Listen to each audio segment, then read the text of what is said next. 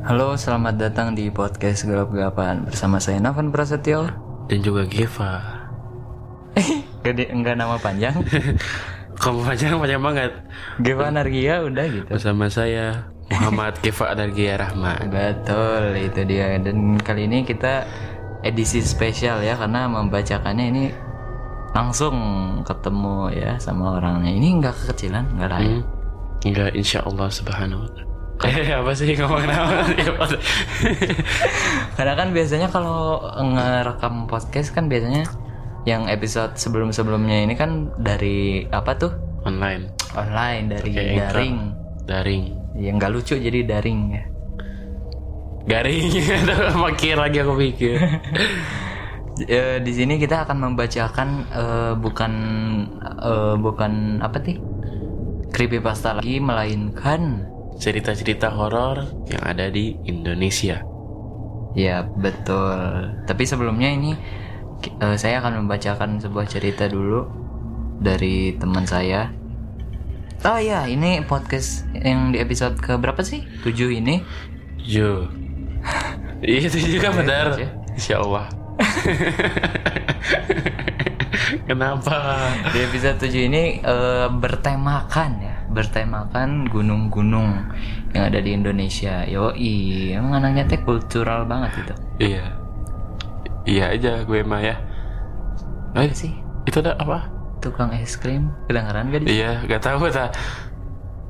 Gue suka. Dan ini kita akan membacakan sebuah ceritanya juga dari website ya. Kalian bisa menemukan ceritanya juga dari dari website. Oke, langsung masuk cerita pertama aja dulu ke kali ya. Oh ya teman-teman ya, Wih, santai dong. kalau kalau yang mau ngirimin cerita gimana Gap?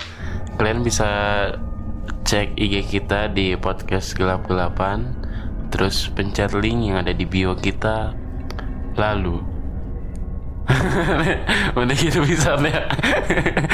Habis itu apa sih Nap? Habis itu nanti ada kalian bakal diarahkan ke Google Form. Minum dulu. Enggak, lu ini minum aja kalau serat. Ya gitu. Serat nggak? Enggak. Ya udah. Oke, itu dia lawakan ya. Jadi ini langsung aja masuk cerita pertama dulu. Usah. Kenapa aku bingung? Lanjut. Oke, lanjut. Cerita pertama dulu ya. Ini cerita ini datang dari Nafan. Bukan sih, dari temennya Nafan. Temen saya ya. Aku bisa aja lah. Jangan jangan gitu. Ya oke lanjut ya. Terus oke lanjut ya, oke lanjut ya. Nah, oke ya. Pada hari itu gue sama keluarga jalan-jalan ke Jakarta. Kami nyampe Jakarta jam 2 pagi. Ketika itu yang masih terbangun gue sama ibu karena yang bawa mobil itu ibu dan gu- karena yang bawa mobil itu ibu dan gue yang nemenin di depan. Alhasil gue nggak boleh tidur dong. Saat nyampe di Jakarta, jalanan masih rame dan tidak terlalu sepi. Untuk jam 2 malam di sana. Gue yang suka sama bangun-bangunan tinggi ngelihat ke arah jendela mobil. Indah kata gue dalam hati. Hmm. Tetapi setelah beberapa Maaf lah. apa? Gak apa-apa lanjut. Hmm, lagi bacain tiba-tiba hmm. Itu penampakan. Tadi sampai mana? Oh ya. Indah kata gue dalam hati. Tetapi setelah beberapa lama di mobil, masuk ke arah satu terowongan yang terkenal di Jakarta yaitu terowongan Casablanca. Di, da- di dalam terowongan sama kayak di jalanan yang ada di atas. Rame, tidak terlalu sepi. Seingat gue ada ada dua mobil, termasuk mobil gue dan enam sepeda motor. Salah satunya ada di sebelah mobil gue. Awalnya, gue ngelihat motor itu hanya ditumpangi satu orang. Tapi setelah kereta yang ada di atas terowongan lewat dan terdengar suara keras dan terdengar suara dan terdengar keras suara ketawa kuntilanak. yang menggelegar seluruh terowongan. Itu gue langsung ngeliat ada mbak-mbak kunti di belakang orang tersebut. Dan persis di samping mobil gue. Sekejap, tubuh gue terdiam. Tidak bisa bergerak. Tapi mata gue tertuju sama Mbak Kunti. Ibu gue yang mendengar ketawanya pun terdiam, tapi tidak melihat kehadirannya. Langsung mengklakson mobil tiga kali, atau bisa dibilang punten. Kayak maksudnya teh e, ngeklakson tuh maksudnya e, minta izin ya, izin lewat punten kali ya. Hmm. Takutnya mengganggu makhluk-makhluk yang ada di sana. Gue yang masih tertuju sama Mbak-Mbak Kunti langsung terkejut dan melihat kembali motor tersebut. Dan ternyata hilang. Tidak ada lagi Mbak Kunti di sana dan mobil pun sudah berada di luar terowongan. Gue pun ngelihat ke arah spion. Senyap tidak ada apa-apa di sana. Hanya sebuah lambain lemas dari Mbak itu. Lambain itu apa ya?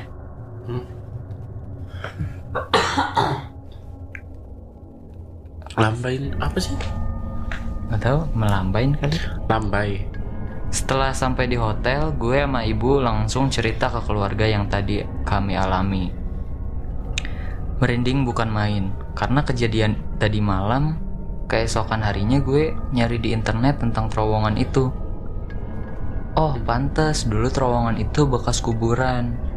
Dan katanya masih ada jenazah di sana yang tertinggal. Rambut, baju lusuhnya masih teringat sampai sekarang dan menjadi memori. Cukup sekian. Terima kasih podcast gelap-gelapan. Enggak. Yang pertama nih, lokasinya tadi di mana sih? Terowongan Casablanca. Nah, itu tuh yang pernah dida- didatengin sama ini MLI, tahu nggak? MLI Majelis Lucu Indonesia. Iya, yang fix, yang fix serem itu. Mana sih artikelnya? Ini ya? Iya. Pokoknya pas pas eh, pas masuk terowongan itu katanya harus klakson tiga kali kalau nggak salah ya. Itu teh buat apa? Izin gitu? Hah? Maksudnya ngeklakson teh? Atau kayak punten seluruh gitu kali ya. Meminta izin kali ya. Tapi serem sih itu. Terus katanya di sana ada kuntilanak merah kan. Hmm. Terus si Emily ke sana. Terus ada ada eh, apa tuh kuntilanaknya merah. Kuntilanak merah. Terus sama si siapa tuh? Itu teh ngeliat maksudnya? Enggak, jadi kan sama parano, paranormalnya tuh. Hmm. Jadinya di, di oh, sini kata ada paranormalnya. Iya di sini ada ini kuntilanak merahnya di sini gitu. Hmm. Terus sama si siapa sih? Sama MLI. si iya dikasih itu loh pemutih Baju? Pemutih baju biar gak juga gak, gak ngerti emang dia Oh, ngelawak itu teh maksudnya. Oh, Iya. biar gak merah kali ya. iya Terletak di Jalan Kuningan, Jakarta Selatan. Bener, di Iya. Jakarta. Ini dulu. cuma tadi ini lihatnya bukan bukan ini kuntilanak merah tapi putih Iya, Kuntilanak biasa biasa. Di motor lagi cuy. Wih banjir tapi di fotonya mah serem pisan ya fotonya. Hmm. Oh iya aku bolong-bolong ya Mana ini tuh ventilasi meren ini siapa sih? iklan Oh iklan. siap Kan ada cerita. Wah. Ada ada cerita orang gantung diri di terowongan Casablanca. lah gimana gantungnya Nggak tahu tuh. Masa orang nggak ada yang ngeliat gitu ya? Orang gantung diri di terowongan. Berarti emang terkenal angker terowongannya cuy. Di bawah jalan raya kan katanya di sini juga terowongannya. Di bawah jalan raya. Eh gimana sih? Eh gimana sih Hah? passwordnya? Nih. Si terowongannya itu persis ada di bawah jalan raya juga. Hmm. Emang pernah sering kedengaran angker sih ceritanya banyak banget. nah ini nih Mana sampai ada filmnya juga ya. Ah filmnya ada gitu Ada tadi nih. Nih eh, 2000 berapa ya? Eh ini gua nggak klik sih? Eh gua nggak klik nggak sih? nah Nah, nih. Tuh. Film 2007, film terowongan Casablanca itu dia cerita dari siapa sih Iya teman lu siapa gak tahu. iya lu gue eh ayo nama eh Tidak.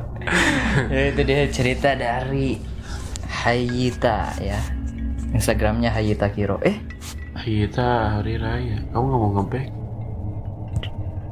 oke itu dia cerita pertama cerita opening cukup seram sih ya kita langsung bacain aja Karena emang angker juga tuh tempat itu ya. apa Iya terowongan terowongannya.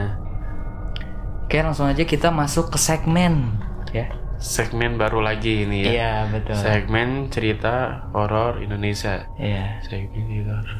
S H I si ya. si ya, Ya, segmen. disingkatnya ini segmen baru lagi nih bukan bukan kaleng-kaleng yuk Dan sekarang temanya adalah gunung.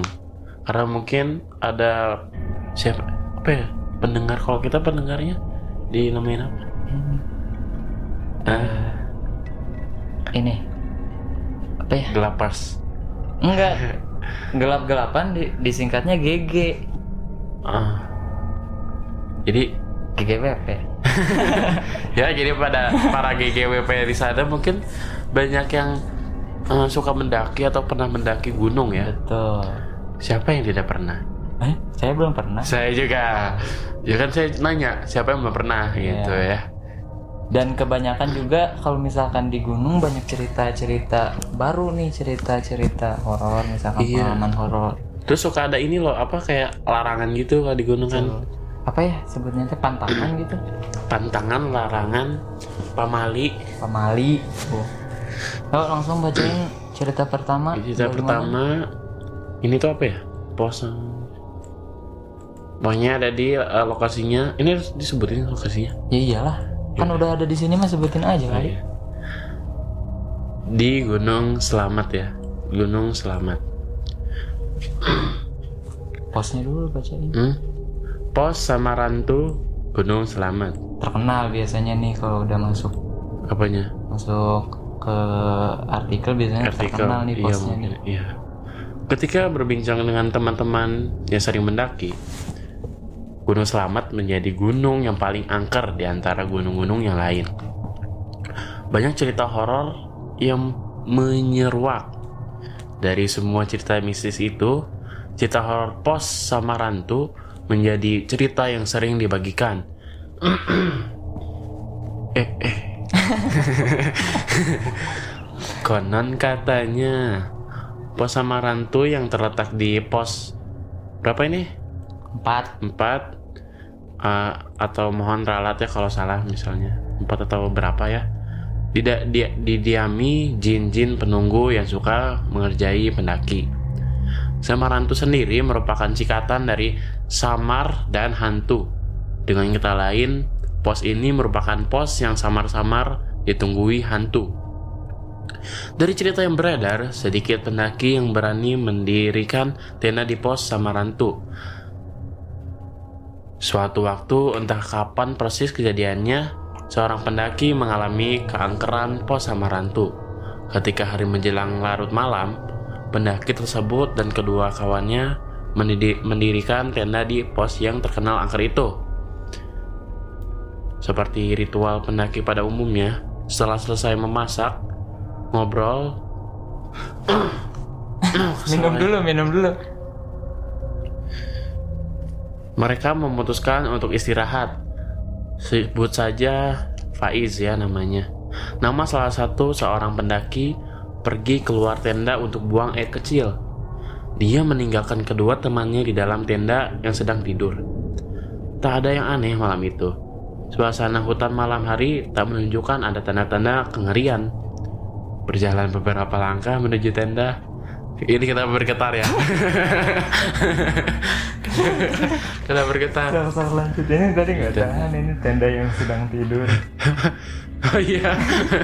Kamu bacanya tenda yang sedang tidur Temannya di dalam tenda yang sedang tidur gitu. di dalam. Oh ya sok terus lanjut. Tak ada yang aneh malam itu. Suasana hutan malam hari tak menunjukkan Suasana. Suasana malam hari tak menunjukkan. Tadi udah bener loh, kenapa kita ulang lagi? Baca lagi dari sini. Suasana hutan malam hari tak menunjukkan ada tanda-tanda kengerian. Jangan ketawa. lanjut, lanjut. Berjalan beberapa langkah. Ih, ulang, tenda. Ulang. Dari mana? Dari awal lah. Jangan dari yang tadi yang eh, suasana. Suasana hutan pada malam hari tak menunjukkan ada tanda-tanda kengerian. Berjalan beberapa langkah menuju tenda, langkah Faiz terhenti tepat di depan pintu tenda. Dia membuka perlahan zipper tendanya. Kejanggalan baru mulai terasa ketika dia mendapati tiga orang sedang tertidur pulas dalam tenda. Tadi kan dua ya temannya. Oh iya, hmm. Oh, udah itu. Udah. Berarti dia ngelihat siapa tuh satu lagi ya? Nah. Lah, terus Tapi tanggung sih ini ceritanya nggak dilanjutin gitu maksudnya. jangan-jangan jadi kayak ini kayak kayak creepypasta. Iya ya. Jangan-jangan bohongan ini. Hah? Eh maaf ya. Enggak, Kayak tapi biasanya soalnya di situ juga di pernah di YouTube ada yang cerita juga tentang si pos ini nih, pos Samarantu. Hah? Emang terkenal angker katanya waktu itu ada yang cerita di YouTube kalau nggak salah siapa ya lupa. Jadi katanya emang kalau di di pos itu kata penjaganya juga kalau mau diri mau diriin tenda jangan di pos itu Hmm. Har- jangan di pos 4 jadi harus di pos berapa mau di pos 5 atau enggak di pos 3 kalau pos 4 katanya emang terkenal angker Bahkan itu juga menganjurkan bahwa jangan diriin tenda di sana gitu. Ini terlalu angker. Tuh. Hmm. kita lanjut nih Ya, so. Pasar bubrah nih Gunung Merapi terkenal nih di malam Merapi ya. apa sih kisah tanah Jawa ada filmnya Oh, iya Gunung Merapi juga ya. Mm-mm. Hmm. Jika berbicara tentang pasar bubrah, maka orang-orang akan mulai menceritakan pengalaman-pengalaman gaibnya ketika mendirikan tenda di sana. Layaknya pasar pada umumnya, pasar bubrah kerap menimbulkan kegaduhan. Banyak orang yang kerap menceritakan mencer men- Hmm? mencertikan? Menceritakan, banyak orang yang kerap menceritakan sering mendengar, eh, mendengar alunan gendang. Kok gen- eh gending sih? gending mungkin sebutan dari sini gending kali gending dan gamelan Hmm. cerita yang berbeda pun pernah saya dengar langsung dari mulut teman saya cerita ini terlontar dari mulut ke mulut hingga akhirnya terdengar oleh saya waktu itu ada oh. Eh. Apa sih? waktu itu ada dua orang pendaki bukan dari Jawa Tengah eh waktu itu ada dua orang pendaki bukan dari Jawa Tengah mendirikan tenda di Pasar Bubrah mereka tiba di Pasar Bubrah menjelang tengah malam singkat cerita setelah mendirikan tenda mereka masak sambil berbincang di luar tenda cuaca malam itu agak sedikit mendung kilatan cahaya kilatan cahaya sesekali menyambar. Meskipun cuaca kurang bersahabat, dua pemuda tersebut tak beranjak dari luar tenda. Mereka tetap tertawa tertawa-tawa berbincang. Sampai ketika petir menyambar membuat mereka sedikit kaget. Bukannya masuk ke dalam tenda, salah satu dari mereka malah berteriak, "Ya Tuhan, silakan foto saya lagi Tuhan." Seketika, seketika itu juga petir menyambar lagi, diiringi tawa wanita yang membahana di angkasa. Wih, dia sompral sih. Benar, pamali cuy, teriak-teriak. Tapi kan terus si wanita itu juga ngaku-ngaku jadi Tuhan. Bukan, tapi emang waktu di film Merapi juga di pasar bubrahnya emang ada sosok wanitanya gitu. Oh, Emang ada penunggunya di situ kali. Sompral lagi di gunung ya kan, malam-malam tengah malam lagi kan katanya ya. oh iya, Tengah malam sompral. parah banget. Oke, lanjut aja di ke cerita yang ke tiga ya. Di Pasar Watu, Gunung Sumbing.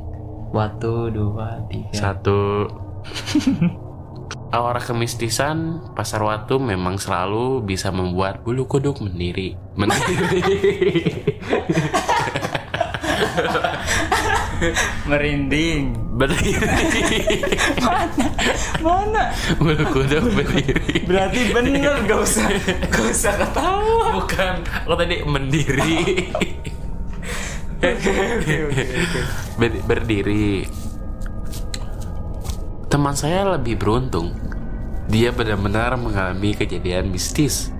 Akhirnya dia mengalami cerita-cerita sumbang tetap tentang penghuni pasar waktu. Suatu malam, ketika yang lain sedang tidur terlelap, dia pergi keluar karena tak bisa tidur dan bingung mau melakukan apa. Dia berjalan-jalan kecil di sekitar tenda. Sampai suatu ketika, sayup-sayup terdengar suara tangis wanita tak jauh dari tempat dia ngecamp.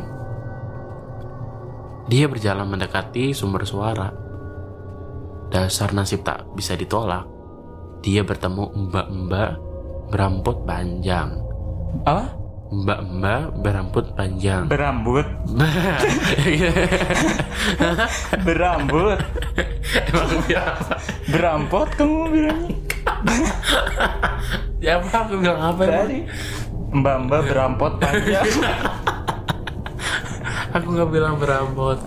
Berambut panjang alias eh, kuntai. Mungkin. Soalnya nggak disebutin kun. Oh iya. Jujur saya merinding saat menulis bagian ini. Lah. Udah aja. Kembang creepy pasta ini mah ya. Berarti apa tadi ceritanya ngelihat mbak-mbak berambut Iya. Eh bentar dulu ini pakai baju putih nggak nih? Lah ini mah bisa aja pendaki lain ya. Kan bisa nggak pakai baju putih atau Iya baju sih. merah. Ya mah bisa jadi halu ya kan? Iya. ngarang-ngarang biar serem. Ngarang-ngarang mungkin ada pendaki yang lain gitu berambut panjang belum dipotong. tapi mungkin kalau di pasar pasar apa tadi katanya? Pasar apa? Watu ya? Pasar Watu. nah mungkin emang di pasar Watu tuh te- eh, ininya apa sih namanya? Auranya emang serem kali ya di kalau pendaki yang ke sana tuh. Mungkin di situ juga banyak eh, apa ya cerita-cerita Oh, horor misalnya iya bisa. karena kan tadi disebutin juga kan ada temennya juga ngalamin Mm-mm. Itu kan temennya iya oke lanjut nih kelima pos kolam renang di Gunung Ung- Ungaran. emang ada yang namanya sekolah renang Itu ada nih. Mungkin ada kolam renangnya atau gimana? ih sombral ih Hah? sombral Lah itu. Oke. Gunung setinggi dari sombra. Gunung setinggi 2050 mdpl yang kini selalu ramai oleh pendaki tiap akhir pekan ini juga menyimpan kisah mistis. Salah satunya yang saya alami sendiri ini. Tempat-tempat ngeri di Gunung Ungaran tak hanya di pos, ah. Apa kenapa? tempat-tempat nyeri Ngeri? Siapa? Tadi bilang nyeri tau Aku bilang ngeri. Guys, guys, apa itu namanya? GGWP, kalian dengar gak? Ngeri ya? Mana sih GGWP sih nama Jangan fansnya? jangan GGWP ah. Udah mana yang bilang GGWP? Sobat GGWP Sobat GG ya Sobat GG ya. Tempat-tempat ngeri di Gunung Ungaran tak hanya di pos kolam renang. pos 2 misalnya. Meskipun tak pernah melihat langsung, namun saya tak pernah ingin istirahat di sana. Walaupun pada siang hari. Apalagi mendirikan tenda di sekitar pos kolam renang. Lebih baik berjalan sedikit lagi mendirikan tenda di Promasan. Pos kolam renang dikenal angker karena konon ada penunggu wanita di sana. Berjalan lebih laju, laju sih. Berjalan lebih jauh lagi, Ulang Tadi kan ada yang ketawa kamu Iya ulang. berjalan lebih jauh lagi, kengerian Gunung Ungaran mulai terasa. Ketika mulai memasuki hutan ke arah puncak, pernah di suatu malam ketika saya memutuskan untuk break sejenak. Tiba-tiba terdengar suara gaduh rombongan orang yang akan naik ke atas puncak. Saya berpikir, biarkan sajalah mereka lewat terlebih dahulu. Nanti menyusul dengan jalan sebelah jalan santai di belakang mereka. Lama saya menunggu lebih dari 30 menit. Ujung ada orang yang datang. Alih-alih ada segi rombolan yang datang, suara riuh tiba-tiba hilang tergantikan dengan senyap. Anda pernah eh udah ini teh. Lah, horor dari mananya nih? Oh,